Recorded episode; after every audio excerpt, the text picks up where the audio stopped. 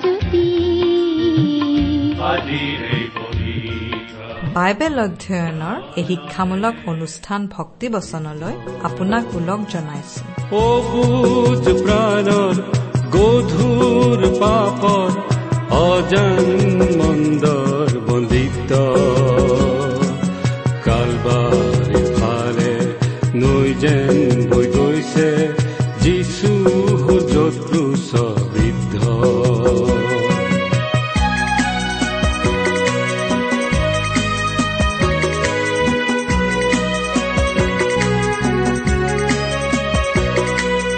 আনে দেখা অৱস্থা অসীম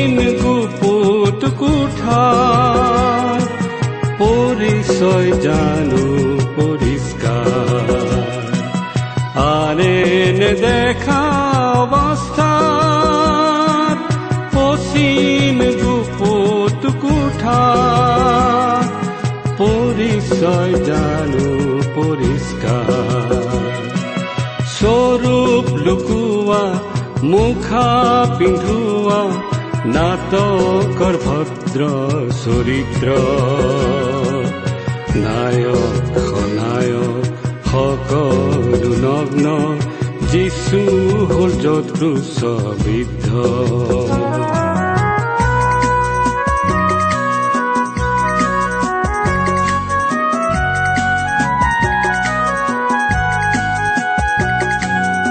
আত্ম পৰিচয়ৰ বৃত্তি সদ্ম আভূষণৰ কৃতি। যিচুতে কৰা স্বীকৃতি আত্ম পৰিচয়ৰ বৃত্তি সদ্ম আভূষণৰ কৃতি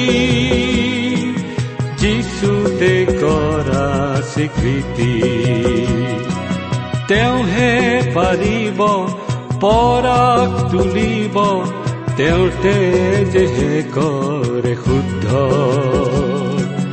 প্ৰকৃত জীৱনৰ হ'ব আৰম্ভ। যিচু আমাৰ মহান ত্ৰাণকৰ্তা প্ৰভু যীশুখ্ৰীষ্টৰ নামত নমস্কাৰ প্ৰিয় শ্ৰোতা। আশা কৰো আপুনি ভালে কুশলে আছে। প্ৰিয় শ্ৰোতা আপুনি বাৰু আমাৰ এই ভক্তিপচন অনুষ্ঠানটো নিয়মিতভাৱে শুনি আছেনে? এই অনুষ্ঠান সম্বন্ধে আপোনাৰ মতামত আদি জনাই আমালৈ চিঠি পত্ৰ লিখিছেনে বাৰু? অনুগ্ৰহ কৰি আজি এই দুখাৰিমান লিখি পঠিয়াবচোন। আহকচোন আজিৰ বাইবেল অধ্যয়ন আৰম্ভ কৰাৰ আগতে খন্তেক প্ৰাৰ্থনাত মূৰ দুৱাওঁ। আমি প্ৰাৰ্থনা কৰো। স্বৰ্গত থকা অসীম দয়ালু কৰুণাময় পিতা তোমাৰ তুলনা নাই। তোমাৰ প্ৰেম তোমাৰ কৰুণা তোমাৰ অনুগ্ৰহৰ কথা আমি বৰ্ণনা কৰি শেষ কৰিব নোৱাৰো। প্ৰভু যীশুৰ যোগেদি তুমি আমালৈ যি অনুগ্ৰহ দেখুৱালা তাৰ বাবে তোমাক অশেষ ধন্যবাদ পিতা। এতিয়া আমি তোমাৰ মহান বাক্য বাইবেল শাস্ত্ৰ অধ্যয়ন কৰিবলৈ আগবাঢ়িছো। তোমাৰ বাক্য তুমিয়েই আমাক বুজাই দিয়া। এই অনুষ্ঠানৰ আৰম্ভণিৰ পৰা শেষলৈকে তুমিয়েই আমাৰ চলাওঁতা হোৱা। অনুষ্ঠান শুনি থকা প্ৰতিজন শ্ৰোতাৰ জীৱনত তোমাৰ মহান অনুগ্ৰহৰ আশীৰ্বাদ প্ৰকাশ পাই উঠিবলৈ দিয়া। কিয়নো এই প্ৰাৰ্থনা আমাৰ মহান ত্ৰাণকৰ্তা প্ৰভু যীশুখ্ৰীষ্টৰ নামত আগবঢ়াইছো।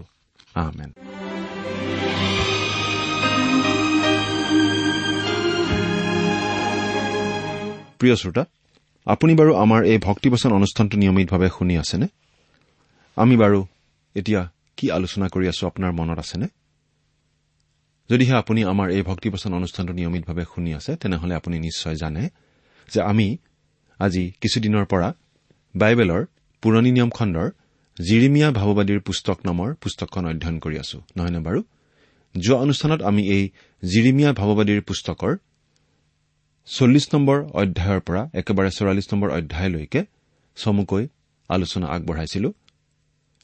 আজিৰ অনুষ্ঠানত আমি এই জিৰিমিয়া ভাৱবাদীৰ পুস্তকখনৰ পঞ্চল্লিছ নম্বৰ অধ্যায়ৰ পৰা একেবাৰে আঠচল্লিছ নম্বৰ অধ্যায়লৈকে আমাৰ আলোচনা আগবঢ়াব খুজিছো। আপোনাৰ বাইবেলখন মেলি লৈছেনে বাৰু? আহক আমি বাইবেল অধ্যয়নৰ ফালে আগবাঢ়ি যাওঁ। জিৰিমিয়া পুস্তকত আৰু এগৰাকী ব্যক্তিৰ নাম উল্লেখযোগ্য। আৰু সেই ব্যক্তিজনৰ নাম হৈছে বাৰুক। এই বাৰুক নামটো আমি আগতেও পাইছো আৰু আপোনাৰো নিশ্চয় মনত আছে।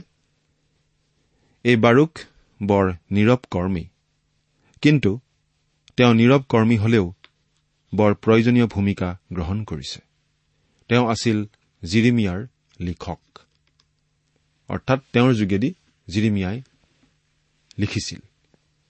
নাম বিচাৰি ফুৰা জাকত জিলিকিবলৈ খোজা বিধৰ মানুহ তেওঁ নাছিল। এখন নুৰিওৱা পুথিত জিৰিমিয়াৰ যোগেদি অহা ঈশ্বৰৰ বাণীখিনি তেওঁ লিখিছিল। সেই পুথিখনি জিহুৱাখিন ৰজালৈ পঠাই দিয়া হৈছিল। ৰজাই সেই নুৰিওৱা পুথিখন পঢ়ি দুখৰ দুখৰকৈ কাটি জুইলৈ দলিয়াই পেলাইছিল। সেই বিষয়ে আমি ইতিমধ্যে ছয়ত্ৰিশ নম্বৰ অধ্যায়তেই পাই আহিছো। বন্দীশালত থাকি অনাথোতত মাটি কিনাৰ বেলিকাও মাটি কিনাৰ লেনদেন আৰু কাগজ পত্ৰ আদিৰ কামো বাৰুকেই জিৰিমিয়াৰ হৈ আৰু জিৰিমিয়াৰ কাৰণে কৰিছিল। এই বিষয়েও আমি বত্ৰিশ নম্বৰ অধ্যায়তে পালো। তিৰাল্লিছ নম্বৰ অধ্যায়ৰ ছয় নম্বৰ পদৰ মতে সেই বাৰুকক জিৰিমিয়াৰ লগতেই মিছৰ দেশলৈ লৈ যোৱা হৈছিল। সেই বাৰুকৰ নিমিত্তেও ভাৱবাণী দিয়া হৈছিল। সেই ভাৱবাণী আগতে দিয়া হৈছিল যদিও এই পঞ্চল্লিছ নম্বৰ অধ্যায়তহে লিপিবদ্ধ কৰা হৈছে। বাৰুকক উৎসাহ দিবলৈকে ঈশ্বৰে বাৰুকক এই ভাৱবাণী দিছে। বাৰুকক কোৱা হৈছে তেওঁৰ জীৱনত কি কি ঘটিব? যদি তেওঁ জিৰিমিয়াৰ হৈ জিৰিমিয়াৰ কাৰণে কাম কৰে। জিহুদা দেশৰ অৱশিষ্ট ভাগ মানুহৰ সৈতে জিৰিমিয়া আৰু বাৰুকক বলপূৰ্বকভাৱে মিছৰলৈ লৈ যোৱা কালত এয়া হ'ব বাৰুকৰ বাবে এক উৎসাহৰ স্থল।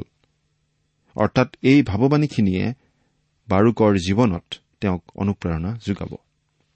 পঞ্চল্লিছ নম্বৰ অধ্যায়টো আমি চাওঁ হওক। এয়া হৈছে বাৰুকক দিয়া আশ্বাসৰ বাক্য। পাঠ কৰি দিছো। যোছিয়াৰ পুত্ৰ জিহুদাৰ ৰজা জিহুৱাকিমৰ ৰাজত্বৰ চতুৰ্থ বছৰত নেৰিয়াৰ পুত্ৰ বাৰুকে এইবোৰ কথা জিৰিমিয়াৰ মুখৰ পৰা পুথি এখনত লিখা সময়ত জিৰিমিয়া ভাৱবাদীয়ে তেওঁক এই কথা কলে হে বাৰুক ইছৰাইলৰ ঈশ্বৰ জিহুৱাই তোমাক এইদৰে কৈছে তুমি কলা যে হাই হাই মই সন্তাপৰ পাত্ৰ। কিয়নো জিহুৱাই মোৰ বেদনাতে শোক লগ লগাই দিছে। মই কেঁকাই কেঁকাই ক্লান্ত হৈছো অলপ জিৰণি নাপাওঁ। তুমি তেওঁক কোৱা জিহুৱাই এই কথা কৈছে চোৱা মই যি সাজিলো তাক ভাঙিম আৰু মই যি ৰুলো তাক উঘালিম। আৰু গোটেই দেশত এনেকৈয়ে কৰিম। তেন্তে তুমি নিজৰ নিমিত্তে মহত্ব বিচাৰিছানে? সেইবোৰ নিবিচাৰিবা। কিয়নো জিহুৱাই কৈছে মই সকলো মৰ্তলৈ অমংগল ঘটাম। কিন্তু তুমি যি যি ঠাইলৈ যাবা সেই সেই ঠাইত মই তোমাক লুটদ্ৰব্যস্বৰূপে তোমাৰ প্ৰাণ দান কৰিম। জিহুৱাকিম ৰজাৰ দিনখিনি বৰ বেয়া দিন আছিল। কিন্তু বাৰুকৰ বাবে যি সুন্দৰ ঘটনা ঘটিব তাৰ তুলনাত সেই দিনৰ বেয়াখিনি কোনোভাৱেই উল্লেখযোগ্যভাৱে মন্দ হ'ব নোৱাৰে। বাৰুকৰ জীৱনত দুখৰ ৰাতিৰ পাছত সুখৰ ৰাতিপুৱা আহিবলৈ আছে। ঈশ্বৰে বাৰুকক জনাইছিল যে জিহুদাৰ বাবে যি দুখ কষ্ট আহিছিল তাৰ বাবে ঈশ্বৰ জিহুৱা নিজেই দায়বদ্ধ। আৰু সেই দুখ কষ্ট তেওঁলোকৰ অবাধ্যতাৰ কাৰণে ঈশ্বৰৰ সুদবিচাৰৰ পৰা হৈছে। গতিকে বাৰুকে ঈশ্বৰৰ পৰিকল্পনাৰ সৈতে সহযোগ কৰিব পাৰে। আৰু বাৰুকে যেতিয়া এই ভাৱবাণী পাইছিল তেতিয়া তেওঁ এগৰাকী যুৱক লোক আছিল। ঈশ্বৰে বাৰুকক বৰ মন কৰিবলগীয়া কথা কৈ কৈছিল তেওঁ কেতিয়াও তেওঁৰ এই কৰ্ম জীৱনত উচ্চ আকাংক্ষা কৰিব নালাগে কাৰণ এই সময়খিনি হৈছে যিহুদী জাতিটোৰ বাবে বৰ দুখৰ সময়। তেওঁ বৰ কষ্টৰ জীৱন যাপন কৰিব আৰু তেনে কষ্টৰ জীৱনৰ মাজেৰেই ঈশ্বৰে জিৰিমিয়াৰ দৰে তেওঁকো ৰক্ষা কৰি চলাই নিব। জিৰিমিয়া আৰু বাৰুক দুয়ো তেওঁলোকৰ ডেকা জীৱনতেই ঈশ্বৰৰ পৰিচৰ্যাত নিযুক্ত হৈ এতিয়া মিছৰ দেশত তেওঁলোক দুয়ো বৃদ্ধ লোকৰূপে ঈশ্বৰৰ কাৰ্যনিৰ্বাহ কৰিছে। তেওঁলোকে পাৰ কৰি অহা দুখৰ দিনবিলাকত ঈশ্বৰে তেওঁলোকক কেনেকৈ ৰক্ষা কৰি আহিছিল তাক তেওঁলোকে নিজ চকুৰে দেখিলে আৰু তেওঁলোকৰ নিজৰ জীৱনত অভিজ্ঞতা লাভ কৰিলে। এতিয়া আমি ছয়চল্লিছ সাতচল্লিছ আৰু আঠচল্লিছ এই অধ্যায় তিনিটাত মিছৰ পলেষ্টিয়া আৰু মোৱাবৰ ক্ষেত্ৰত দিয়া ভাৱবাণীৰ বিষয়ে পঢ়িবলৈ পাওঁ। আমি এই ছয়চল্লিছ নম্বৰ অধ্যায়ৰ এক নম্বৰ পদৰ পৰা বাৰ নম্বৰ পদলৈকে পাঠ কৰি দিম একেলগে। ওপৰত লিখা আছে জাতিবিলাকৰ বিষয়ে ভাৱবাণী। আৰু ইয়াত আমি প্ৰথমতে পাওঁ মিছৰৰ বিষয়ে। পাঠ কৰি দিছো শুনিবচোন। জাতিবিলাকৰ বিষয়ে জিৰিমিয়া ভাওবাদীৰ ওচৰলৈ অহা জিহুৱাৰ বাক্য। মিছৰৰ বিষয়। জুছিয়াৰ পুত্ৰ জিহুদাৰ ৰজা জিহুয়াকিমৰ ৰাজত্বৰ চতুৰ্থ বছৰত বাবিলৰ ৰজা নবুখত নেজৰে পৰাজয় কৰা ফৰাত নদীৰ পাৰৰ কৰ্কমিছত থকা মিছৰীয়া ৰজা ফৰৌন নখুৰ সৈন্য সামন্তৰ বিষয়। তোমালোকে ঢাল আৰু ফৰ যুগুত কৰা আৰু যুদ্ধ কৰিবৰ নিমিত্তে ওচৰ চাপা। হে অশ্বাৰোহীবিলাক ঘোঁৰাবোৰ সজোৱা ঘোঁৰাত উঠা আৰু শিৰোৰক্ষক টুপি পিন্ধি আগলৈ গৈ থিয় হোৱা। বৰচা জকমকোৱা কবচ পিন্ধা। মই কিয় এনেকুৱা দেখিছো? সিহঁত ব্যাকুল হৈছে পাছ হুহকি গৈছে। সিহঁতৰ বীৰবিলাকে বিহবল হৈ বেগাই পলাইছে আৰু পাছলৈ নাচায়। জিহুৱাই কৈছে চাৰিওফালে ত্ৰাস। বেগী লোক পলাই যাব নোৱাৰে বীৰ সাৰিব নোৱাৰে। উত্তৰ ফালে ফৰাত নদীৰ পাৰত সিহঁতে উজুতি খাই পৰিছে। যাৰ জলসমূহে নৈবোৰৰ নিচিনাকৈ আস্ফালন কৰিছে। নীল নদীৰ নিচিনাকৈ বাঢ়ি অহা সৌজন কোন? মিছৰ নীল নদীৰ নিচিনাকৈ বাঢ়ি আহিছে। আৰু তাৰ জলসমূহে নদীবোৰৰ নিচিনাকৈ আস্ফালন কৰিছে। আৰু সি কৈছে মই বাঢ়ি পৃথিৱী তল নিয়াম নগৰ আৰু তাৰ নিবাসীবিলাকক নষ্ট কৰিম। হে ঘোঁৰাবিলাক উঠি যোৱা। হে ৰথবিলাক বাতুলৰ নিচিনাকৈ লৰি যোৱা। বীৰবিলাক ঢালধাৰী কোচ আৰু পুত আৰু ধনুৰ্ধৰ ও ধনুত জোৰ দিয়া লুডীয়া লোকবিলাক বাহিৰ ওলাওক। কিয়নো এই দিন বাহিনীবিলাকৰ প্ৰভু জিহুৱাৰ দিন। তেওঁৰ শত্ৰুবোৰক প্ৰতিফল দিবলৈ শত্ৰুৰ প্ৰতিকাৰ সধা দিন। তৰোৱালে গ্ৰাস কৰি হেঁপাহ পলুৱাব আৰু সিহঁতৰ তেজ পান কৰি পৰিতৃপ্ত হ'ব। কিয়নো উত্তৰ দেশত ফৰাত নদীৰ পাৰত বাহিনীবিলাকৰ প্ৰভু জিহুৱাৰ এক যজ্ঞ হৈছে।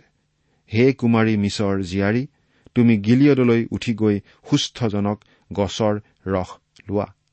তুমি বৃথা অনেক ঔষধ ব্যৱহাৰ কৰিছা তোমাৰ সুস্থতা নাই। জাতিবোৰে তোমাৰ অপমানৰ কথা শুনিছে আৰু তোমাৰ চিঞৰৰ শব্দেৰে পৃথিৱী পৰিপূৰ্ণ হৈছে। কিয়নো বীৰে বীৰত খুন্দা খাই দুয়ো একেলগে পতিত হল। মিছৰৰ বিৰুদ্ধে ঈশ্বৰৰ ভাৱবাণী ঘোষণা কৰা হৈছে। জিৰিমিয়া এতিয়া মিছৰ দেশত।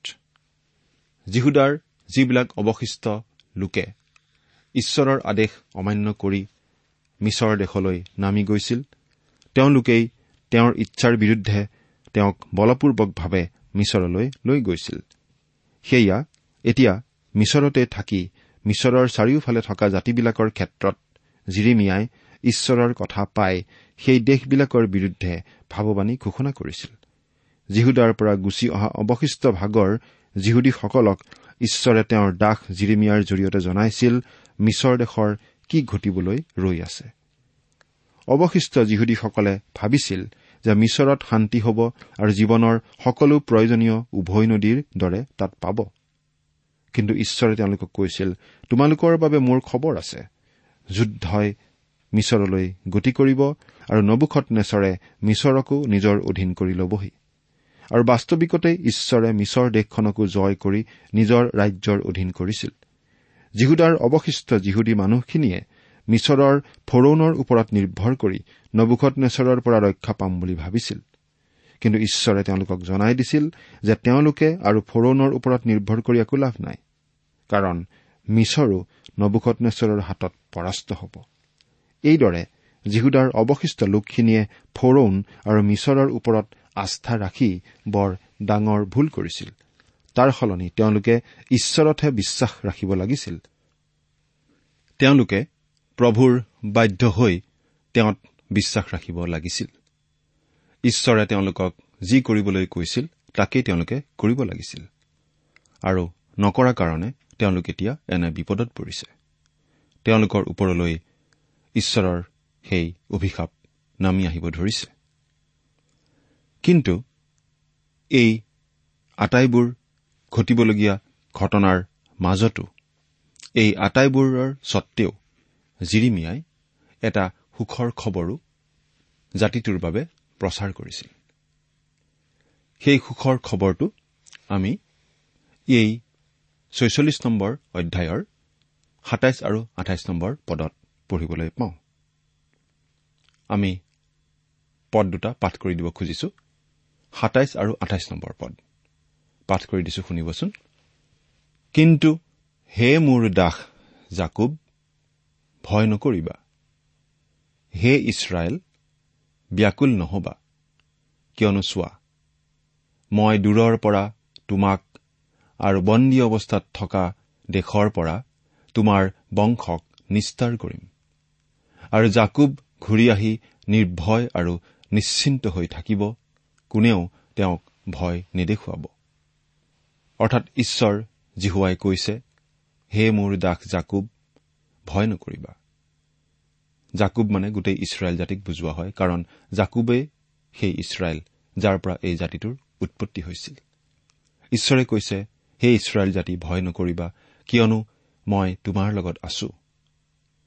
কাৰণ যি জাতিৰ মাজলৈ মই তোমাক খেদিলো যি জাতিৰ মাজত তুমি দেশান্তৰিত হৈ বন্দী অৱস্থাত থাকিবলগীয়া হৈছে সেই আটাই জাতিক মই নিঃশেষে সংহাৰ কৰিলেও তোমাক নিঃশেষে সংহাৰ নকৰিম।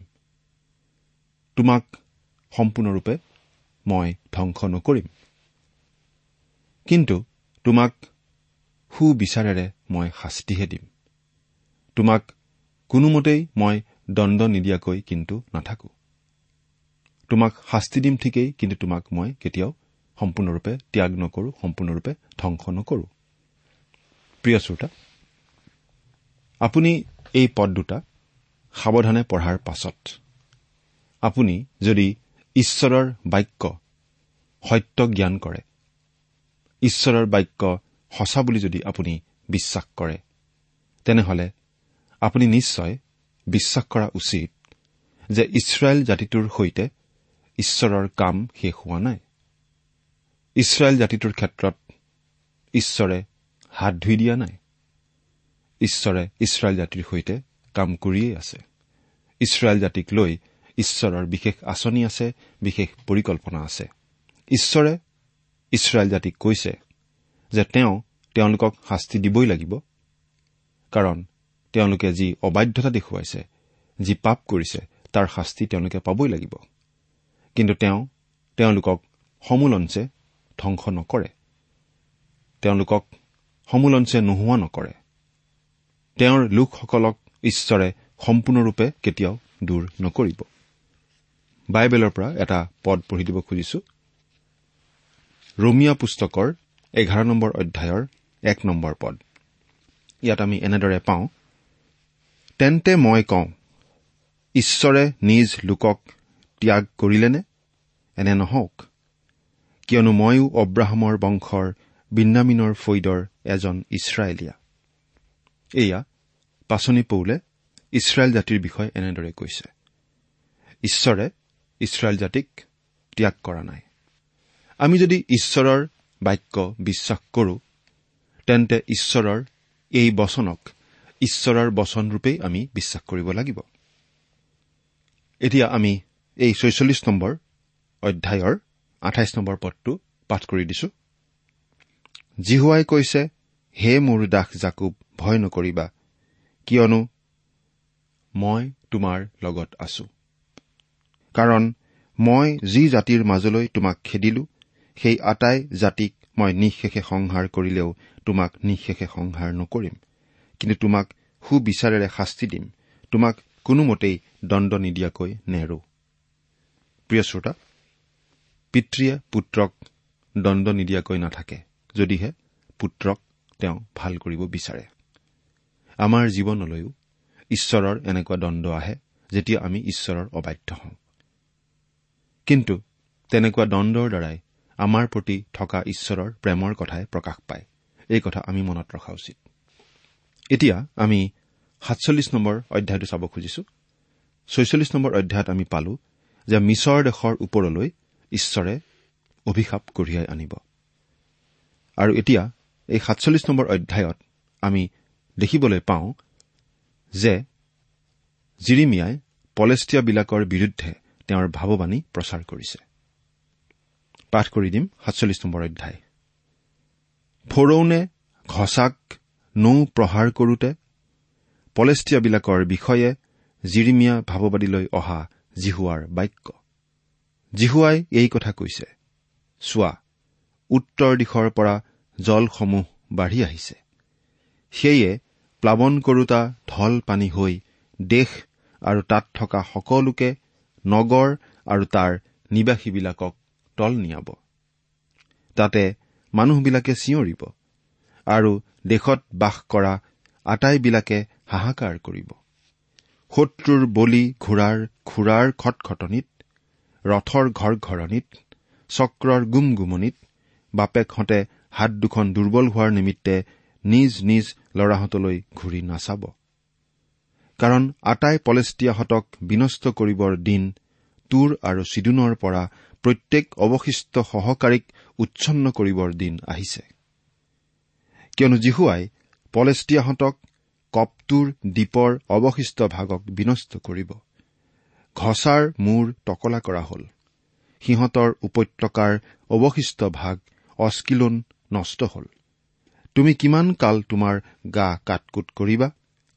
হে জিহুৱাৰ তৰোৱাল তুমি কিমান কাল ক্ষান্ত নোহোৱাকৈ থাকিবা? তুমি তোমাৰ ফাকত সুমোৱা তুমি বিশ্ৰাম কৰা আৰু শান্ত হোৱা। জিহুৱাই তোমাক আজ্ঞা দিয়াত তুমি কেনেকৈ ক্ষান্ত হ'ব পাৰা? তেওঁ অস্কিলনৰ আৰু সমুদ্ৰৰ দাঁতিৰ বিৰুদ্ধে তাক নিযুক্ত কৰিলে। আমি ইয়াত দেখিছো যে জিৰিমিয়াই পলেষ্টিয়াবিলাকৰ বিৰুদ্ধে তেওঁৰ ভাৱবাণী প্ৰচাৰ কৰিছে। প্ৰিয় শ্ৰোতা যিহুদীসকলৰ এই অৱশিষ্ট সৰু দলটোৱে আশ্ৰয় পাবৰ নিমিত্তে এটা জাতিৰ পাছত আনটো জাতিৰ মাজত আশ্ৰয়স্থল বিচাৰি ফুৰিছে। তেওঁলোক কাৰ ওচৰলৈ যোৱা উচিত? ক'ত পাব আশ্ৰয়? কোনটো জাতিৰ ওপৰত তেওঁলোক নিৰ্ভৰশীল হোৱা উচিত? কোনো কোনো জাতি তেওঁলোকৰ শত্ৰু জাতি। আশ্ৰয়ৰ বাবে তেওঁলোকৰ সেই জাতিবোৰৰ ওচৰলৈ যোৱাটো উচিত হ'বনে? ইয়াৰ উত্তৰ হৈছে নাই নহয়। কাৰণ এই জাতিও পৰাজিত জাতি হ'ব। এই পলেষ্টীয়া জাতিৰ ওচৰলৈ তেওঁলোক গৈও লাভ নাই কাৰণ এই পলেষ্টীয়া জাতিও পৰাস্ত হ'ব। গতিকে জিহুদাৰ অৱশিষ্ট ভাগে তেওঁলোকৰ ওপৰতো নিৰ্ভৰ কৰিব নোৱাৰে। ইয়াৰ পিছত আঠচল্লিছ নম্বৰ অধ্যায়ত আমি পাওঁ মোৱাবৰ বিৰুদ্ধে জিৰিমিয়াৰ ভাৱবাণী। বৰ্তমানৰ জৰ্দন নৈৰ পূব পাৰে অৱস্থিত হছেমত ৰাজ্যই তাহানিৰ দিনৰ মোৱাব দেশ আছিল। মোৱাবিয়াসকল বৰ্তমানৰ যি জাতিসকলৰ মাজতেই নপৰক কিয়? এটা কথা ঠিক যে এই জাতিটোৰ সৈতেও ঈশ্বৰৰ কাম শেষ হোৱা নাই। বৰ্তমানৰ কোনটো জাতিনো এই মোৱাবিয়াবিলাকৰ বংশধৰ তাক সঠিককৈ কোৱা টান যদিও বাইবেলৰ ভাৱবাণীৰ ভিত্তিত আমি ক'ব পাৰো যে এওঁলোকৰ সৈতে ঈশ্বৰৰ কাম শেষ হোৱা নাই। এই আঠচল্লিছ নম্বৰ অধ্যায়টো আমি গোটেইখিনি পাঠ কৰি দিব নোৱাৰিম। কিন্তু আমি প্ৰথমতে পঞ্চল্লিছ নম্বৰ পদৰ পৰা পাঠ কৰি দিব খুজিছো। পলৰীয়াবিলাক হিজবোনৰ ছাঁত শক্তিবিহীন হৈ থিয় দি আছে। কাৰণ হিজবোনৰ পৰা অগ্নি আৰু চিহুনৰ মাজৰ পৰা জুইৰ শিখা ওলাই মোৱাবৰ দাড়ীৰ কাষ আৰু কোলাহলকাৰীহঁতৰ তালু টকলা কৰিলে। অৰ্থাৎ মোৱাবিয়াবিলাকৰ ওপৰলৈও যে সেই ধ্বংসকাৰ্য নামি আহিব তেওঁলোকো যে শত্ৰুৰ দ্বাৰা পৰাস্ত হ'ব সেই কথা ঘোষণা কৰি দিয়া হৈছিল। ছয়চল্লিছ আৰু সাতচল্লিছ পদ। হাই হাই মোৱাব কমোচৰ প্ৰজাবোৰৰ সৰ্বনাশ হ'ল কাৰণ তোমাৰ পুতেৰাহঁতক বন্দী কৰি নিয়া হ'ল আৰু তোমাৰ জীয়েৰাহঁতক বন্দী অৱস্থালৈ নিয়া হ'ল। তথাপি জিহুৱাই কৈছে মই শেষকালত মোৱাবৰ বন্দী অৱস্থা পৰিৱৰ্তন কৰিম। মোৱাবৰ দণ্ড ইমানলৈকে। মই শেষকালত মোৱাবৰ বন্দী অৱস্থা পৰিৱৰ্তন কৰিম। ইয়াৰ পৰা আমি জানিব পাৰো যে প্ৰভু যীশুৰ এহেজাৰ বছৰীয়া সেই ৰাজত্বকালত মোৱাবেও প্ৰৱেশ কৰিব পাৰিব। কিন্তু তথাপি জিৰিমিয়াৰ দিনত যীহুদাৰ অৱশিষ্ট ভাগটোৱে মোৱাবৰ আশ্ৰয় বিচাৰি যোৱাটো বৰ অৰ্থহীন কথা আছিল। কাৰণ আশ্ৰয় বিচাৰি গলেও মোৱাবে তেওঁলোকক আশ্ৰয় দিব নোৱাৰে তেওঁলোকক নিৰাপত্তা দিব নোৱাৰে আৰু দিব পৰা নাছিল। প্ৰিয় শ্ৰোতা আজি আমাৰ বাবে কিন্তু একমাত্ৰ আশ্ৰয়স্থলী হৈছে প্ৰভু যীশুখ্ৰীষ্ট। একমাত্ৰ নিৰাপত্তা আমি তেওঁতেই পাওঁ। আমাৰ আম্মিক জীৱনৰ বাবে একমাত্ৰ আশ্বাস নিশ্চয়তা নিৰাপত্তা প্ৰভু যীশুৱেহে দিব পাৰে। সেই প্ৰভু যীশুত আশ্ৰয় লৈ আপুনি আপোনাৰ আম্মিক জীৱনৰ সুৰক্ষা লাভ কৰিছেনে? ঈশ্বৰে আপোনাক আশীৰ্বাদ কৰক। আহমেদ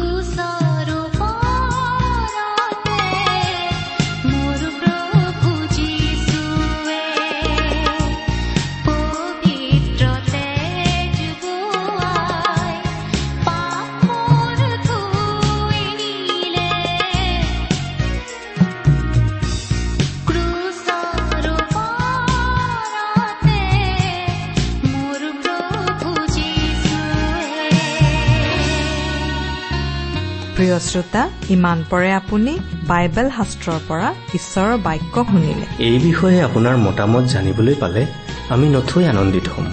আমি প্ৰস্তুত কৰা বাইবেল অধ্যয়নৰ চিডিসমূহ পাব বিচাৰিলে আৰু অনুষ্ঠানত প্ৰচাৰ কৰা কোনো কথা বুজিব লগা থাকিলেও আমালৈ লিখক।